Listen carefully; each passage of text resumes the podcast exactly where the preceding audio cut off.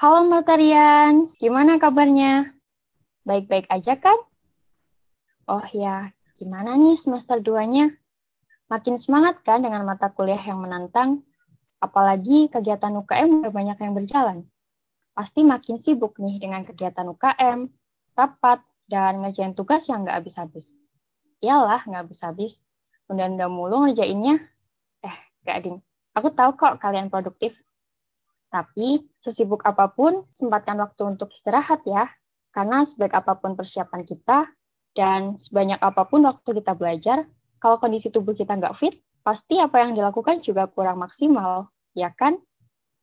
Nah, kalian pasti tahu kan kalau vaksin COVID-19 udah didistribusikan di Indonesia, dan sebagian juga udah menerima vaksinnya kan? Nah, kalau udah gini nih, kalian suka bayangin nggak sih kalau seandainya semester 3 besok perkuliahan dilakukan secara tatap muka? Wah, asik banget nggak tuh? Eh, tapi sebelumnya, kalian tim pro kuliah daring atau kuliah luring nih? Kalau aku sih lebih pilih luring, biar bisa ketemu sama teman secara langsung, ketemu bapak ibu dosen, dan merasakan suasana perkuliahan di kampus tercinta. Tapi, sebenarnya apa sih yang akan dilakukan saat tatap muka nanti? Penasaran kan? Oh iya, hampir aja aku lupa. Kalau kali ini aku nggak sendirian loh. Ada Kak Galang nih. Halo Kak Galang. Halo. Jadi podcast kali ini Kak Galang akan bercerita tentang pengalamannya selama kurang lebih uh, lima semester ya Kak, offline di SIS. Oh iya, kayaknya lima setengah lah. Wah, kayaknya udah pada penasaran nih. Langsung aja kali ya. Atau mungkin Kak Galang ada mau sapa-sapa teman-teman Amarta nih? Oke, baik. Sebelumnya saya ucapkan terima kasih ya. Jarang-jarang ini saya mendengar ada podcast dari apa, inisiatif angkatan gitu ya.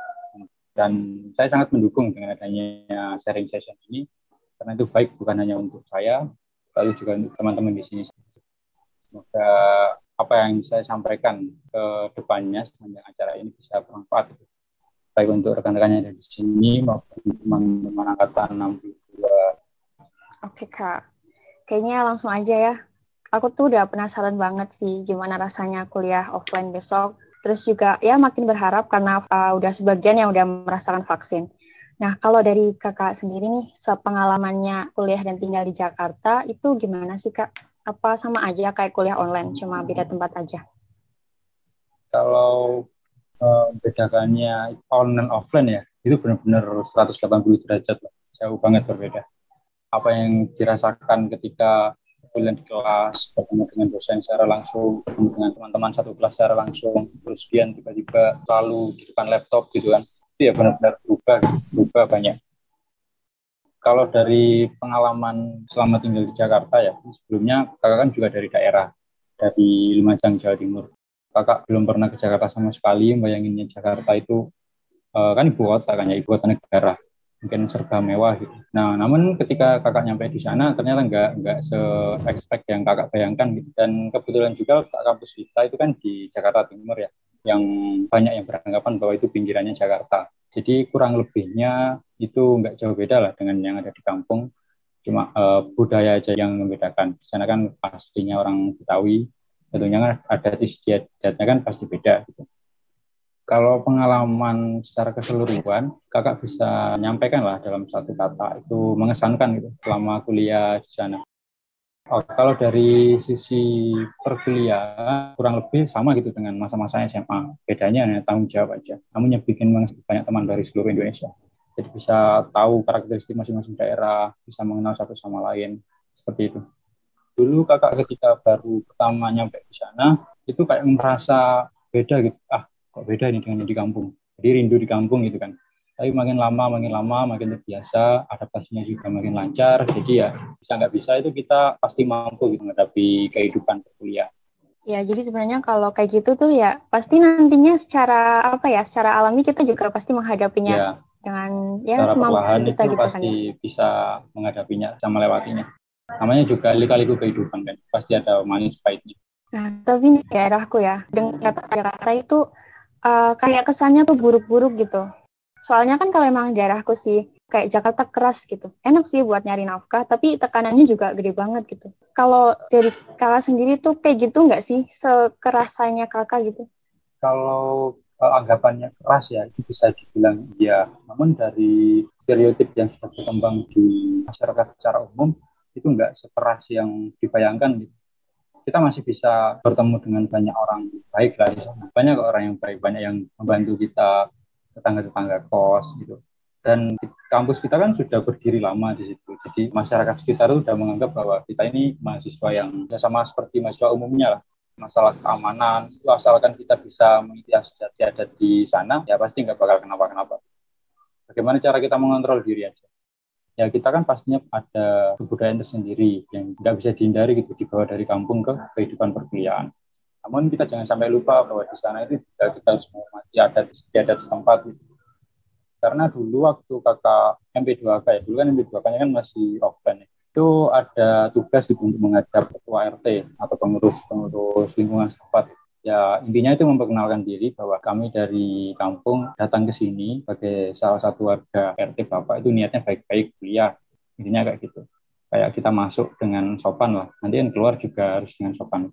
Uh, terus nih kak kan tadi yang masalah buruk-buruk gitu ya.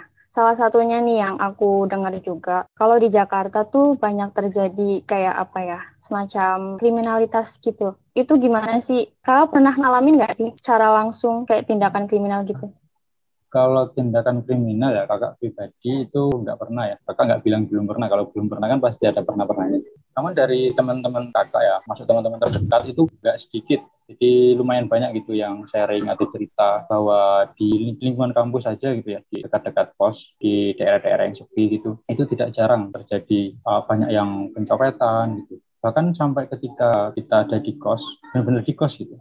Itu kadang ada selalu barang-barang yang hilang gitu jadi uh, oh, iya kak. Kalau iya seriusan ini. Apalagi sekarang ini kan, kan kakak baru kemarin ini kan kembali ke Jakarta lagi nih untuk ambil ambil barang. Itu kabar-kabar yang beredar dari tetangga-tetangga ya makin marak gitu. Mau nggak mau ya harus makin hati-hati. Kan kayak gitu kan kita nggak bisa mengontrol gitu ya, karena udah dari sananya kebudayaan kayak gitu itu berkembang. Jadi ya bagaimana cara kita menjaga diri, ya kalau keluar itu ya kalau misal cowok gitu ya mungkin nggak terlalu masalah ya kalau malam gitu. Nah kalau cewek ya kalau bisa jangan sampai sendirian baik itu siang malam apalagi daerah sepi kalau bisa ya minimal berdua lah kalau nggak ada temennya ya mendingan ditunda dulu daripada memaksakan keluar apalagi untuk mahasiswa baru nanti karena dari tahun ke tahun ya mahasiswa baru itu rambutnya kan masih mengikuti bisa dibedakan gitu masih pendek-pendek terutama yang cowok ini dan nggak hanya itu dari kebiasaan itu bisa dilihat kok mana yang mahasiswa baru mana yang enggak Nah itu yang biasanya jadi incaran orang-orang jahat lah kata. Jadi sering-sering aja minta saran, minta pendapat kepada kakak tingkat yang dikenal gitu. Kalau misal kita ragu-ragu mau ngapain atau mau ngakuin apa gitu, itu sering-sering aja minta saran. Jadi bisa mengetahui gitu kan tingkatnya kan pasti sudah tahu kan hal-hal apa saja yang bisa terjadi di lingkungan sekitar kayak gitu. Ya, terus nih Kak, kalau sekarang online tuh kan sering kayak rapat itu sampai malam. Kalau online tuh kayak gitu nggak sih Kak? Ada kegiatan yang emang sampai malam di kampus? Kalau kegiatan sampai malam di kampus ya, kita kan PTK. Nah, itu ada jamnya, ada jam malamnya sampai jam berapa. Batas kita keluar masuk kampus itu mulai jam berapa. Kalau untuk jam malam itu hanya batasi sampai jam 6. Jadi semua kegiatan kampus, baik itu kegiatan akademik maupun non-akademik, itu dibatasinya sampai jam 6 malam. Kecuali ada kegiatan-kegiatan outdoor seperti olahraga, nah itu bisa lebih dari jam 6 malam, kan di luar gedung. Kalau kegiatan-kegiatan yang indoor, itu dibatasinya sampai jam 6. Contohnya seperti itu. Jadi ketika selesai kegiatan gitu hanya jam 9 malam misalnya.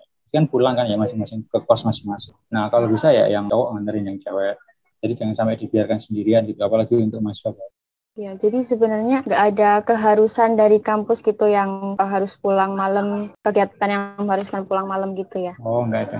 Nggak ada karena kita kan PTK bukan PTN kecuali kalau PTN kan biasanya kan nggak ada batasnya gitu jam-jam malam. Karena ada yang pulang sampai jam 11 12 kalau di kampus kita ini ya masih ada batasannya gitu. Aturannya masih lebih mengikat daripada perguruan tinggi negeri Terus nih, kayak semester 2 ini nih, udah masuk ke kesibukan sih sebenarnya. Semester 2 kan sekarang udah mulai aktif yang UKM-UKM gitu ya, Kak. Di rumah aja tuh masih dibantu banyak sedikitnya tuh dibantu sama orang tua kan. Tuh masih bisa menghandle gitu. Tapi kadang juga kayak kesusahan juga. Nah kalau besok nih kalau offline besok kan ngapa-ngapain sendiri tuh. Tuh bagi waktunya gimana ya kak kalau membagi waktu itu sebenarnya nggak ada aturan yang tetap bahwa harus seperti ini seperti ini seperti ini. Kan tergantung kenyamanan masing-masing ya. Nah kalau dari kakak pertama itu kita harus bisa menanamkan passion yang mana, yang berlaku jangka panjangnya yang mana. Nah ini kakak cerita tentang offline ya, jika kakak kan yang dihadapi itu selain kehidupan kan kalau kos kan nyari makan sendiri apa-apa sendiri bukan ya. Nah selain itu kan ada tanggung jawab utama belajar di kegiatan akademik Nah, di kampus kan selain kegiatan akademik kan kita juga dikali kegiatan non akademik untuk mendukung soft skill lah, bagaimana cara kita berinteraksi dengan orang lain. Dari situ kita pilih, kita prioritaskan, karena kan nggak semua kegiatan non akademik itu bakal diikuti kan, ada batasnya. Seperti UKM kan batasnya maksimal kan dua yang bisa diikuti.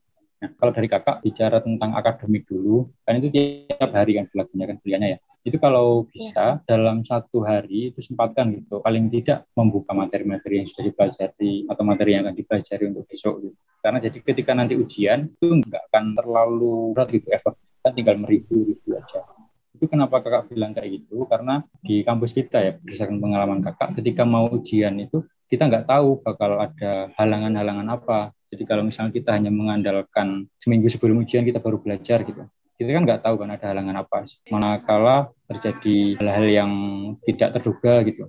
Jadi mengurangi waktu kita belajar untuk mempersiapkan ujian. Nah itu kalau dari akademik. Jadi diusahakan seteratur mungkin lah belajarnya. Nah kemudian kalau dari non akademik, misalnya nih Rika ikut bridge ya. Nah di misalnya nih yeah. ikut bridge sama bimbel dari dua UKM itu yang Rika lebih senang lebih nyaman mengikuti kegiatannya itu apa? Nah itu dari kakak dulu kayak gitu yang lebih senang yang prefer itu yang lebih apa ya lebih meluangkan waktunya gitu untuk UKM-nya itu. Dulu kakak itu ketika masuk kampus ikutnya itu menwa sama SPD itu kan juga lumayan menguras waktu pikiran tenaga apalagi baru tingkat satu gitu kan. Baru-baru masuk oprek itu kegiatannya ya lumayan padat lumayan banyak gitu. Misalnya ada kegiatan yang bersamaan gitu. Besok ada kuis lalu ada kegiatan UKM gitu kan ya. Kalau kakak itu kalau emang belum nyiapin kuisnya dan nggak bisa ninggal kegiatan UKM-nya ya sebisa mungkin ya tetap tetap datang di UKM karena komitmen awalnya kita mengikuti UKM itu nggak hilang-hilangan ya tetap aja datang Nah, ya. di situ kita bisa menyampaikan keluh kesah kita selama menghadapi kehidupan di kampus. Gitu. Karena eh, kegiatan-kegiatan UKM ini nggak hanya fokus di program maupun jobdesk ya. Itu kakak tingkat kakak tingkat yang ada di UKM itu bisa juga untuk dijadikan sebagai sarana sharing session lah. Jadi cerita aja di situ kalau ada ada kuis nggak bisa ada kegiatan ini ini nggak bisa ditinggal. Bisa nggak kalau saya uh, ikut kegiatannya itu nggak sampai akhir. Nah di situ kan pasti dicarikan solusi gitu. Nah, contoh sederhananya, sederhananya itu seperti itu. Uh, mungkin untuk pertama kalinya ya nanti itu pasti bakal kedodoran walan karena selain kita harus bersurvive ya survive untuk kehidupan sehari seperti makan terus uh, melaksanakan kegiatan-kegiatan pos itu untuk akademik dan non akademik kayak serasa seperti selalu ada gitu. Tugas-tugas selalu ada gitu tanggung jawab itu selalu ada namun lama kelamaan semester lah semester satu, semester dua, semester tiga itu makin terbiasa gitu. Jadi saran saya itu jangan khawatir kalau misal takut beradaptasi bagaimana cara membagi waktu ketika dari kehidupan SMA ya kehidupan dengan orang tua lalu transisi ke kehidupan kos itu ya wajar gitu. Kalau emang nanti ke kedodoran terus kemudian bingung bagi waktu itu hal yang wajar. Itu salah satu bagian dari kuliah. Dan kuliah nggak cuma sebentar kan yang empat tahun. Nah itu cukuplah waktu untuk mempersiapkan semuanya. Oh, berarti yang penting kita itu pintar-pintar bagi waktunya aja gitu ya. Utamain yang penting-penting dulu, terus tapi yang lain juga jangan ditinggalkan gitu ya kak. Nah ya, oh, gimana ya? Seperti proses pertama itu kan tidak selalu berjalan mulus kan. Jadi apa ya, makin tebal pengalaman kita, pasti makin baik dalam Oh ya Kak, terus Kak itu kan salah satu yang menginspirasi teman-teman juga ya, karena kan aktif juga di UKM dan organisasi gitu. Terus kalau selama kegiatannya gitu, ada nggak sih atau seberapa pengaruhnya sih Kak sama manfaatnya gitu buat ya menjalani kehidupan di Jakarta gitu? Kalau bicaranya sisi seberapa manfaat, itu jawaban kakak ya, itu memang benar-benar bermanfaat. Nggak hanya pengalaman yang didapat, tapi koneksi. Misalnya ini, ketika di Jakarta kita membutuhkan sesuatu di luar kelas gitu kan ya. Dengan adanya UKM kan teman kita bertambah gitu kan ya. Kita bisa menanyakan hal-hal yang kita butuhkan, yang bin absen gitu ke, ke, salah satu teman kita. Itu salah satunya. Kemudian untuk selain pengalaman tadi, itu juga wawasan. karena dari beberapa dosen dan senior-senior yang juga lulus, yang sudah jadi alumni, itu banyak yang bilang kalau mumpung masih ada waktu atau kesempatan buat kuliah, itu silakan diperbanyak kegiatan-kegiatan selain akademik. Karena nanti setelah bekerja, itu yang kepakai itu bagaimana cara kita berinteraksi dengan orang lain, bagaimana cara kita mengerti pendapat orang lain, bagaimana cara kita menyampaikan ide-ide kita dalam suatu forum. Nah, itu lebih banyaknya ke arah seperti itu. Karena kalau untuk masalah akademik, alumni STIS ya, alumni Politeknik Sertifikat STIS, itu sudah tidak diragukan lagi gitu. Jadi kita sudah dibekali dengan kemampuan akademik yang mumpuni, ini nggak ada salahnya gitu kalau kita menambah atau mengasah soft skill kita. Karena itu sangat penting untuk lingkup di dunia kerja. Ya, berarti nggak melulu tentang akademik aja gitu ya, Kak. Sebenarnya aku juga agak menyesal sih, karena apa ya, kemarin itu cuma pilih satu KM aja yang aku ikuti seleksinya dengan baik. Kalau di tingkat dua tuh ada kesempatan nggak sih kak buat ya Kalau selain UKM gitu? Masih, masih ada kok, masih ada. Karena di tingkat satu ini ya, itu kita masuk UKM atau organisasi itu sebagai anggota ya. Nah, budayanya di kampus kita ketika tingkat dua itu kita yang lebih menghandle gitu, yang jadi jajaran-jajaran ketua panitia, ketua pelaksana, jadi nggak hanya UKM-UKM saja, nanti banyak, sangat banyak gitu kepanitiaan-kepanitiaan yang ada di kampus. Salah satunya ada MP2K, ada Disnatalis. Itu juga lumayan membantu untuk menambah relasi, menambah pengalaman, maupun menambah wawasan. Ya, jadi yang diasah tuh ya nggak cuma akademinya aja, tapi soft skillnya aja.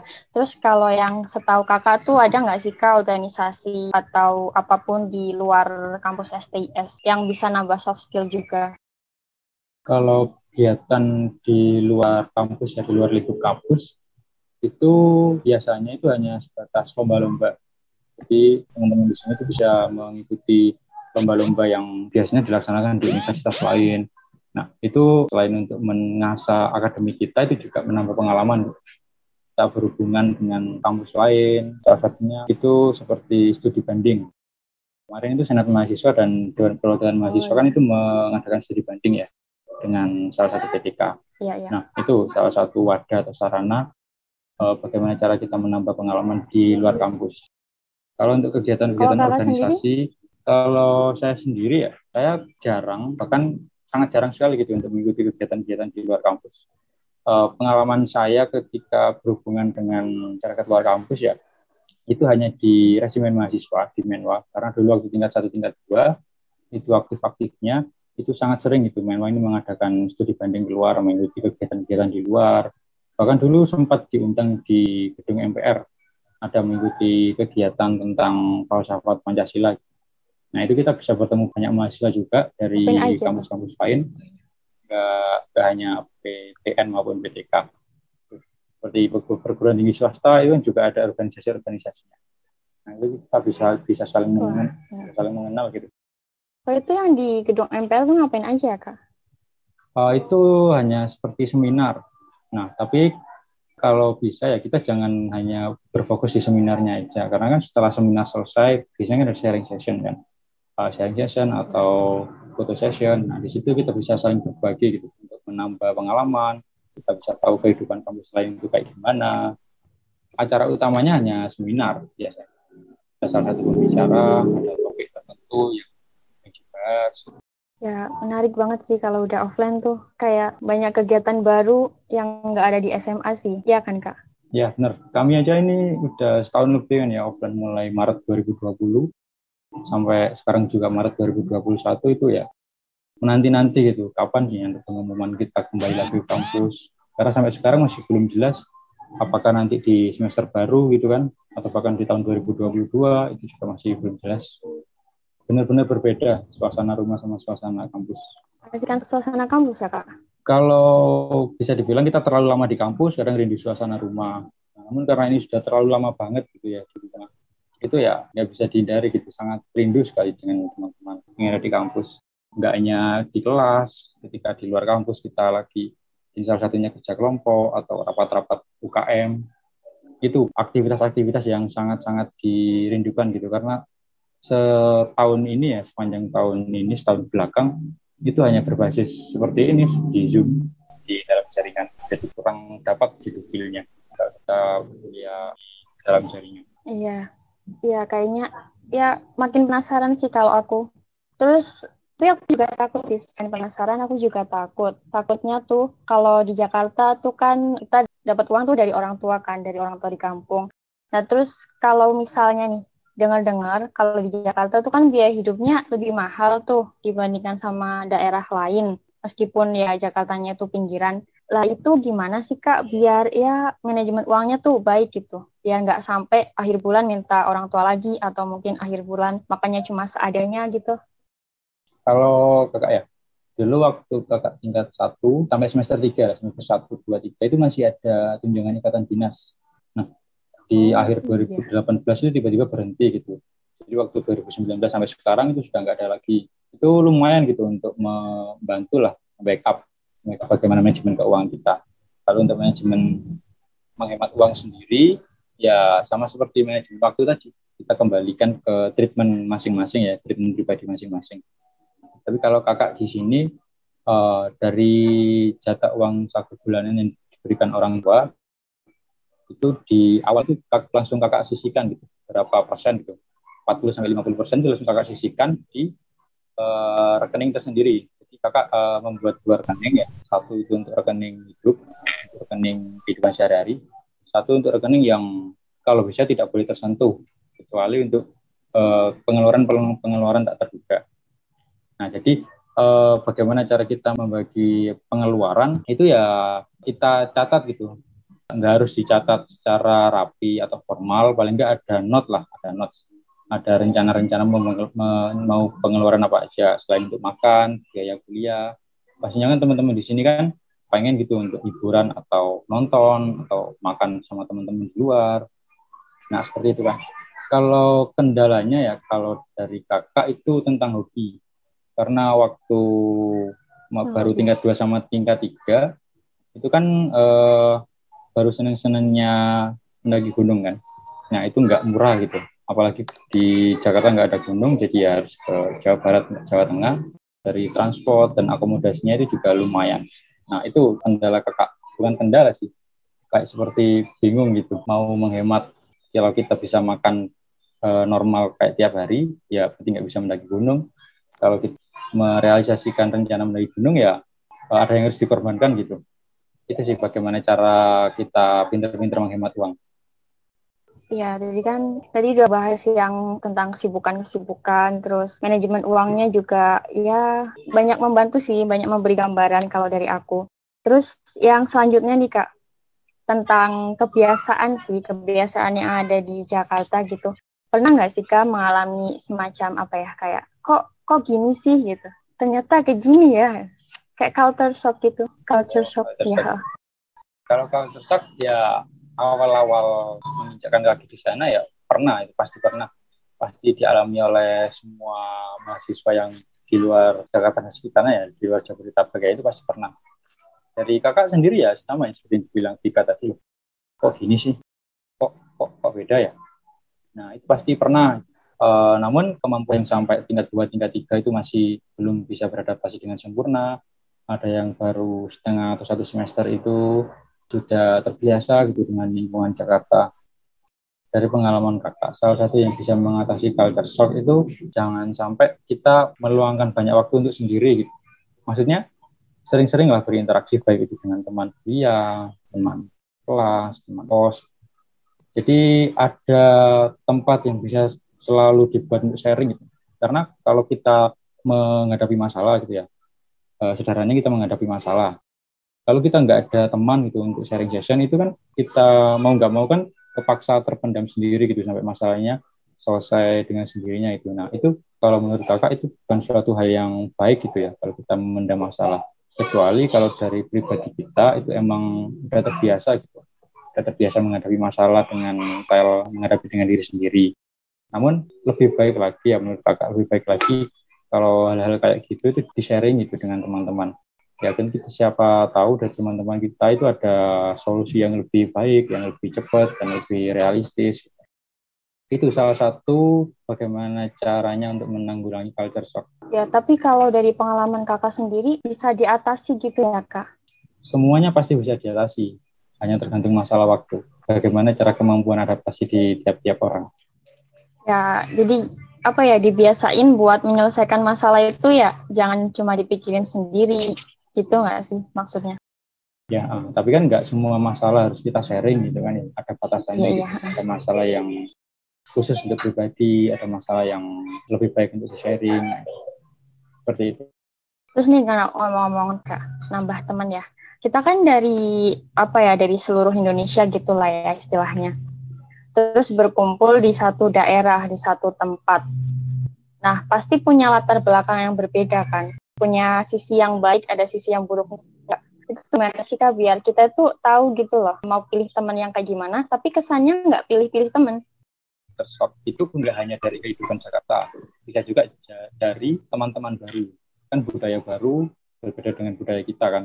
Nah, itu pasti ada unsur-unsur culture shock-nya kalau dari kakak alhamdulillah selama hampir empat tahun kuliah di kampus itu nggak mengalami masalah dengan pertemanan gitu. Kalau masalah-masalah kecil pasti ada itu lumrah lah, malah wajib karena dengan adanya masalah itu kan e, makin aktif itu pasti bisa untuk berbagi hubungan pertemanan. Bagaimana cara memilih pertemanan yang baik itu e, kita lihat dulu dari kita adanya hubungan pertemanan gitu kan ya.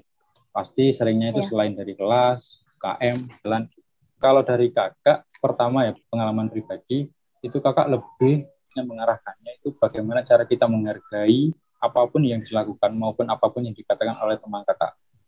Nah itu pertama itu. Jadi teman kakak itu nggak melihat bahwa kakak seperti memilih-milih gitu. Jadi awal-awal kita memberikan first impression yang baik lah. Meskipun ke depannya kita suka atau nggak suka, kan kita nggak tahu kan ya sifat teman kita itu seperti apa. Nah awal itu kita memberikan first impression yang baik seperti itu. Lalu ke depannya, sering berjalannya waktu, itu pasti tahu gitu, oh ternyata ini nggak cocok dengan aku. Nggak cocok kan bukan berarti nggak baik, karena kita yeah. ada mindset masing-masing. Nah, ketika di suatu titik menemukan bahwa si teman ini uh, bisa dikatakan toksik lah, atau pertemanannya itu udah udah nggak baik, ada kegiatan-kegiatan yang nggak baik menurut kita. Itu kalau dari saran kakak ya, itu jangan sungkan gitu untuk menolak karena sekalinya kita nggak bisa menolak itu bakal makin nggak bisa terus gitu.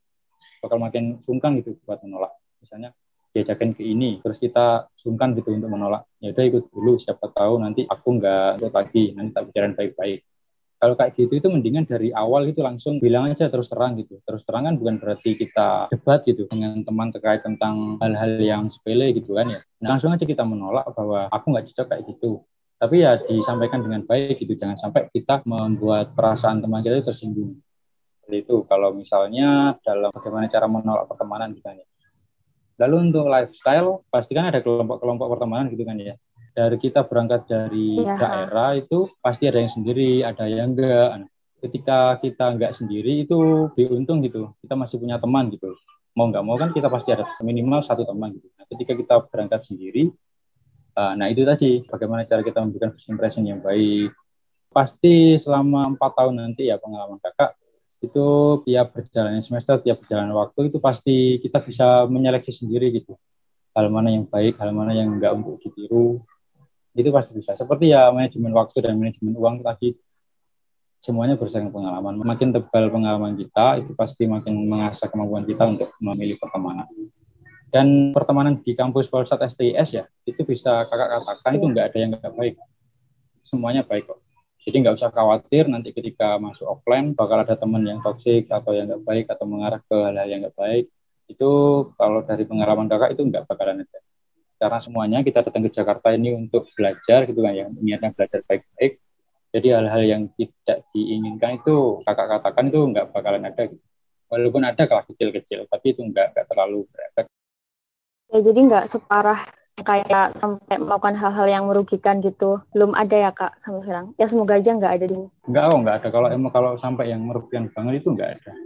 Ya terus tadi kan kak Galon tuh tadi bilang kan kalau misal kita nggak cocok sama seseorang gitu, sama ajakan seseorang itu kita langsung nolak aja gitu. Nah cara nolak yang gimana ya? Kan kalau misal kita langsung bilang ah nggak mau ah gitu, ah, aku nggak suka kayak gini nih, aku nggak kayak gini. Itu apa nantinya nggak bakal bikin kita malah jauh dari teman yang lain ya? Terkait penyampaian bagaimana cara kita menyampaikan pendapat kita ya, menolak atau enggak itu kan beda-beda ya tiap orang. Kalau pengalaman kakak itu ya seperti yang kakak bilang tadi, misalnya nih salah satu teman kakak ngajak untuk kegiatan yang nggak sesuai gitu sama kakak. Ya kita bilang aja kalau, tapi bilangnya jangan sampai menyinggung perasaan gitu. Kita bahasakan dengan baik. Kita itu bukan style kita, misalnya nonton kan pasti ada kan ya seseorang yang nggak biasa gitu keluar malam atau nggak bisa nonton sampai malam. Nah itu ya bilang aja kalau bisa nggak kalau nontonnya itu lebih awal aja. Jadi eh, nggak langsung nolak, tapi kita arahkan ke solusi yang baik untuk keduanya. Gitu. Itu contoh contoh sederhana dari misalnya keluar malam. Karena keluar malam di sana itu kayak nggak bisa dihindari. Gitu. Kakak aja kalau keluar malam ya di sana ya, itu ya kehidupan Jakarta dengan kehidupan kampung itu beda gitu. Di sini jam 8 jam 9 itu udah sepi gitu. Kalau di sana jam 8 jam 9 itu malah baru, baru keluar. Gitu. Jadi untuk menolak bisa mungkin diusahakan untuk mencari jadi enggak enggak langsung nolak tapi kita bisa juga memberikan solusi Oh ya, jadi nggak nggak cuma nolak-nolak aja gitu, ngajak yang lain gitu, cari waktu yang tepat, yang sesuai sama kita gitu ya kak. Ya benar-benar. Terus nih kalau misalnya kan kadang kalau yang namanya pertemanan kita tuh nggak sadar kan, nggak sadarnya nggak sadar kalau kita itu terbawa mereka gitu. Kayak tahu-tahu kehidupan kita udah berubah, tapi tanpa kita sadari malah kadang kita cari pembenaran buat kita tetap pada prinsip awal kita. Gimana sih kak? Kalau ya dari kakak sendiri? Ini maksudnya bisa dibilang udah terlanjur masuk kelompok gitu ya, kelompok yang sesuai dengan kita gitu ya? Iya gitu. Jadi kalau mau menjauhin juga ya ya gimana gitu udah udah nyaman gitu lah istilahnya. Tapi nggak sesuai oh. sama yang awalnya prinsip awal. Kalau pengalaman kakak itu belum pernah ya merasakan seperti itu karena kakak ini kalau misal ada teman yang baru atau kelompok yang baru itu ya terima-terima aja gitu maksudnya terima-terima aja bukan kakak selalu nurut diminta ini selalu bilang iya bukan kayak gitu. Untuk merasakan misalnya kakak ini awalnya itu seperti ini kemudian setelah gabung kelompok baru kok kok berubah kok nggak sesuai ekspektasi awal. Itu kalau dari kakak pengalamannya itu berbicara deep itu bicara mendalam cara yang yang baik lah dengan salah satu teman yang ada di kelompok tersebut yang paling kita percaya, yang paling kita dekat, paling dekat dengan kita. Nah, kita juga di situ, kita share-share masalah kita di situ terhadap kelompoknya itu apa. Dari situ nanti si teman yang kita percaya ini itu pasti memberikan solusi dan ketika kita mau menyampaikan ke forum, kita menyampaikan ke kelompok yang besar, itu paling tidak kan pasti dibantu kan ya ke teman yang kita percaya itu. Jadi, jadi solusi ke depannya itu pasti ada penyelesaian yang baik gitu. Ya, jadi berarti kalau anak-anak STS nih insya Allah nggak sampai yang kayak gitu ya, berbuat nekat-nekat gitu. Kalau anak-anak STS ya, kalau start STS itu nggak ada ya. gitu yang kayak gitu, yang sampai benar-benar ekstrim itu nggak ada. Gitu. Ya semuanya ya normal-normal aja. Lika-liku itu selalu ada, cuma pasti bisa lah kita menghadapinya.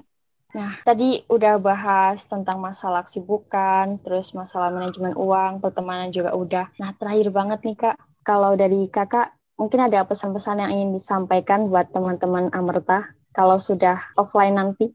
Pesan kakak dari sekarang itu kita jangan sampai terlena dengan adanya daring. Karena kalau kita makin terlena, lalu kemudian tiba-tiba ada luring atau offline, itu kita pasti nggak bakalan siap. Ini kakak berkaca dari pengalaman organisasi, itu kemarin teman-teman, masuk kakak juga menekankan ya pada sesama, itu meskipun daring, meskipun kegiatannya itu bagian besar terpaksa berhenti ya, karena ada kegiatan yang nggak bisa dilaksanakan daring ya. Jadi kan membuat seluruh anggota itu berkurang gitu jobdesknya. Jadi berkurang jobdesk itu pasti bikin leha-leha, bikin terlena, bikin selalu santai di rumah. Nah itu penekanannya boleh santai, boleh terlena, namun ketika nanti sudah memasuki tatap muka secara langsung, ya kita harus siap gitu, untuk menghadapi realita yang baru karena pastinya sebelum pandemi dan sesudah pandemi itu pasti berbeda gitu. Lalu untuk hal-hal nyata yang ketika nanti sudah masuk Jakarta itu kan pencarian kos misalnya itu ya. Ketika pencarian kos itu nggak usah khawatir nggak bakal nemu kos karena nanti itu ada, ada forum lah, ada forum yang menyediakan informasi kos. Nah itu selain datang langsung kita bisa melihat kondisi kos-kosan itu dengan foto, Lalu selanjutnya untuk masalah akademik dari kakak saya rasa tidak ada keraguan ya kepada teman-teman 62 karena se dari semester 1 sampai semester 2 teman-teman yang ada di sini maupun teman-teman 62 yang lain itu sudah bisa survive, sudah bisa bertahan gitu. Jadi untuk masalah akademik saya kira tidak ada masalah ya. Walaupun berat-beratnya itu nanti di tingkat dua, tapi jangan dianggap sebagai hambatan. Anggap aja sebagai tantangan. Jadi untuk maju kita bisa lebih baik lagi.